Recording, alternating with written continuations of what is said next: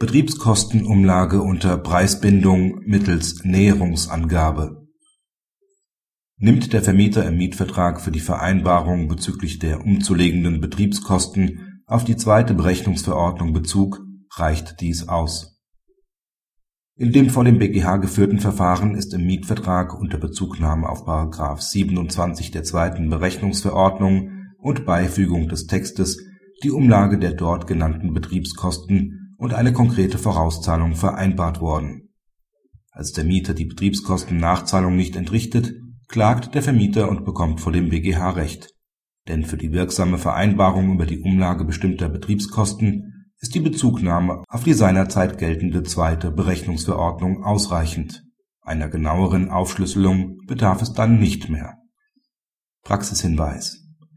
Diese Auffassung wird auch für die heutige Betriebskostenverordnung gelten Sie ist zutreffend, da der Mieter sich über den Umfang seiner Zahlungspflicht, insbesondere wenn der einschlägige Text beigefügt ist, ausreichend informieren kann